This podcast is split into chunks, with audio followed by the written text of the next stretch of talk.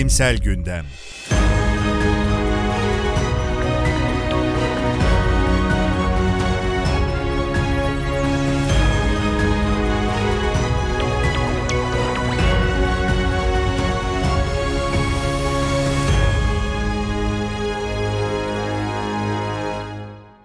Abdi İbrahim'in hazırladığı Bilimsel Gündem'in 52. sayısına hoş geldiniz. Tıp dünyasındaki güncel gelişmelerin özetlendiği bugünkü programımızda sizlere hava kirliliği ve Alzheimer'dan, şiddetin ruhu yaraladığından, bağırsak mikrobiyatası ve akciğer kanseri ilişkisinden bahsedip Şiddet Ruhu Yaralar başlıklı çalışmayla ilgili konunun uzmanından bilgi alacağız. Ardından iz bırakanlar köşemizde ders verdiği günlerde amfi diğer sınıflardan hatta diğer fakültelerden gelen öğrencilerin hınca hınç doldurduğu İstanbul Üniversitesi Tıp Fakültesi Anatomi Enstitüsü'nden Profesör Doktor Sami Zan'ı tanıyacağız. Başlıyoruz. İlk haberimiz hava kirliliği ve Alzheimer. Epidemiyolojik kanıtlar hava kirliliğine maruz kalmayla bilişsel bozulma ve Alzheimer hastalığının başlangıcı ve ilerlemesi arasında bir bağlantı olduğunu göstermektedir. Havadaki partiküllere maruz kalma, sistemik inflamasyona ve nöral inflamasyona, artan metal yüküne, solunum ve kardiyovasküler fonksiyon bozukluklarına ve uyku anormalliklerine yol açar. Partiküllerin etkisini kısıtlamak, uyku ve kardiyovasküler sistem sağlığını iyileştirerek beynin drenaj sistemlerinden birinin yani glifatik fonksiyonun düzeltilmesini sağlayabilir, atık metabolitlerin temizlenmesini artırabilir ve ardından Alzheimer hastalığının ilerlemesini yavaşlatabilir. Bu makale Trends in Neuroscience'da yayımlanmıştır.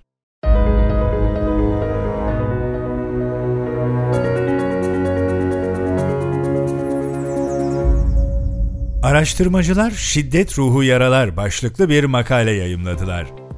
Çocuklarda ve gençlerde kötü ruh sağlığı, gelecekte sağlık sorunlarının gelişmesi ve erken ölümlerin yanı sıra önemli sosyal, ekonomik ve işlevsel bozulmalarla da büyük ölçüde ilişkilidir. Yapılan bir çalışmada 0-13 yaşları arasında akut bir tıbbi yardım gerektirecek fiziksel şiddete maruz kalan çocuklar ve şiddete maruz kalmayan çocuklar 5 yıl boyunca takip edildi. Fiziksel saldırıya maruz kalan çocuklar arasında mental rahatsızlık riski ortalama 2 kat daha yüksekti. Ayrıca fiziksel saldırı tanısı alan çocukların özellikle fiziksel saldırıyı takip eden ilk yılda ruhsal hastalık tanısı alma riski 3 kat daha yüksekti. Saldırıya uğrayan çocukların mental sağlığını desteklemek için özellikle saldırıyı takip eden ilk yılda erken müdahale gereklidir. Bu makale JAMA Network'te yayımlanmıştır. Konuyla ilgili uzman psikolog Pelin Gülen Çelebi'nin yorumlarına yer vereceğiz.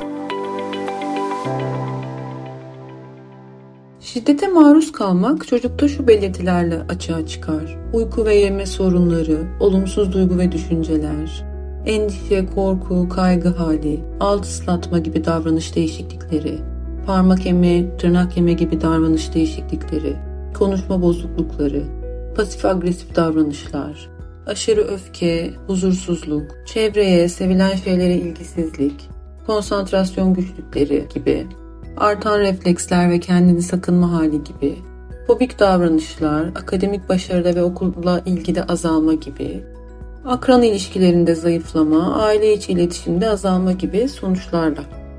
Şiddete maruz kalan çocukta depresyon ve öz kıyım düşünceleri artabilir.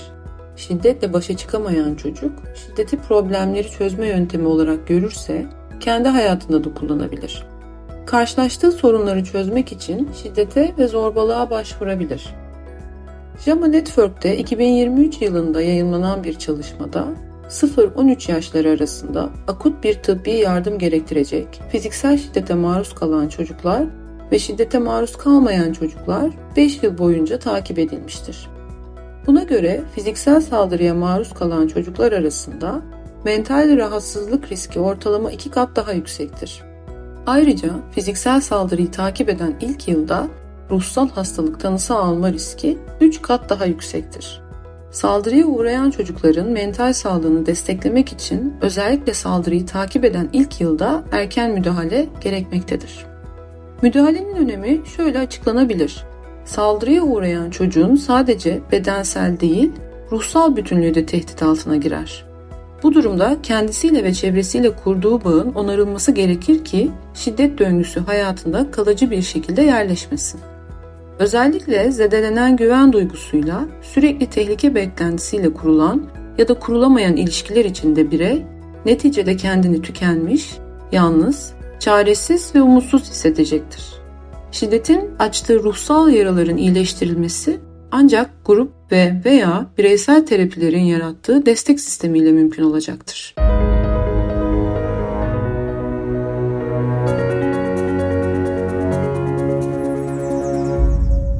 Bu haftanın iz bırakanlar köşesinden önce son haberimize geçelim.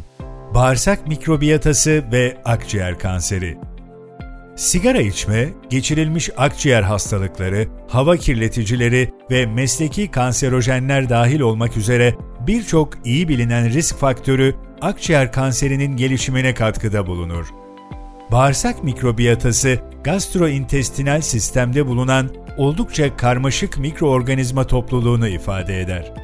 Mikrobiyal ekolojinin bozulması, metabolizmada değişikliklere, immün baskılanmaya ve bazı akciğer kanser türlerini tetikleyebilecek enflamasyon faktörlerinin sentezlenmesine yol açabilir. Bu çalışma, bağırsak mikrobiyatasının bazı akciğer kanser türlerini etkileyebileceğini ileri sürmektedir. Ancak bir omega-3 yağ asidi olan Dokusohexaenoik asidin, palmitatın beyin hücrelerinin fonksiyonları üzerindeki olumsuz etkisini önleyebileceği ve iyileştirebileceğine dair kanıtlar sunmaktadır. Bu makale Frontiers in Cellular and Infection Microbiology'de yayımlanmıştır.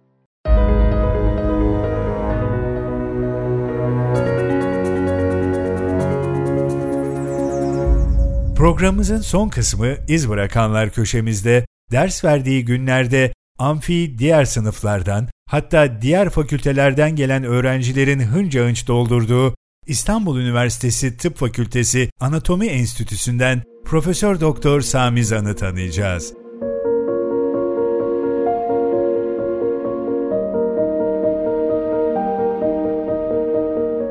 Merhaba, ben Profesör Doktor Sami Zan. 1921 yılında İstanbul'da doğdum. Mezun olduktan sonra 1940 yılında İstanbul Haydarpaşa Lisesi'ne kaydoldum. Sonrasında İstanbul Üniversitesi İstanbul Tıp Fakültesi'nde okumaya başladım. Bu fakültede öğrenimimin 5. yılını tamamlayınca bakanlığın talimatıyla Ankara'da yeni kurulan tıp fakültesine nakledildim. 1946 yılında bu fakülteden mezun oldum. 1948 yılında akademik kariyerime anatomi dalında araştırma görevlisi olarak başladım. 1955 yılında doçent, 1960 yılında da profesör oldum.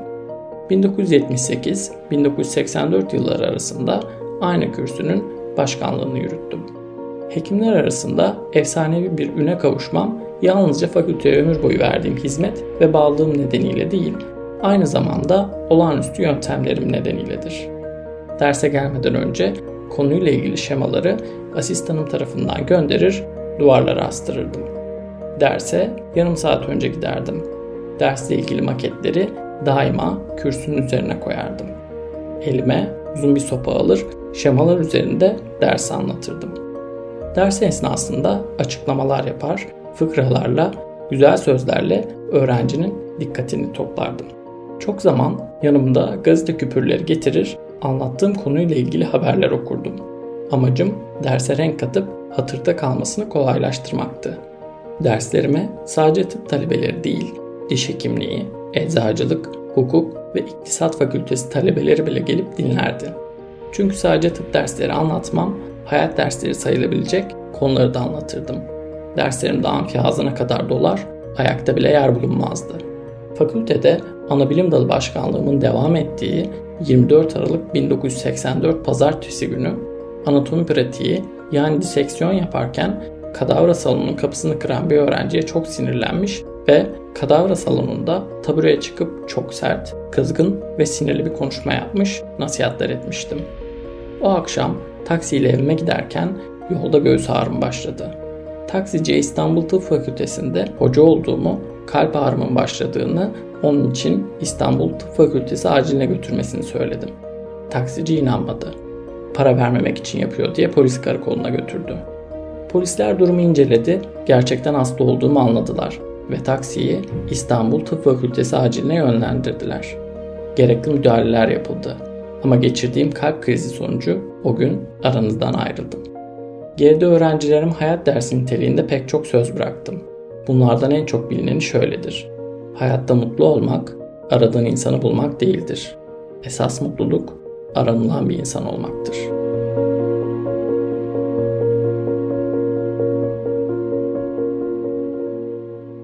Bugünkü programımızın böylece sonuna geldik. 15 gün sonra yeni bilimsel gelişmeleri paylaşacağımız programımızda görüşmek üzere. Bizleri Spotify, YouTube, Google Podcast ve Anchor resmi hesaplarımızdan takip edebilir, abone olarak yeni sayılar yayınlandığında bildirim alabilirsiniz.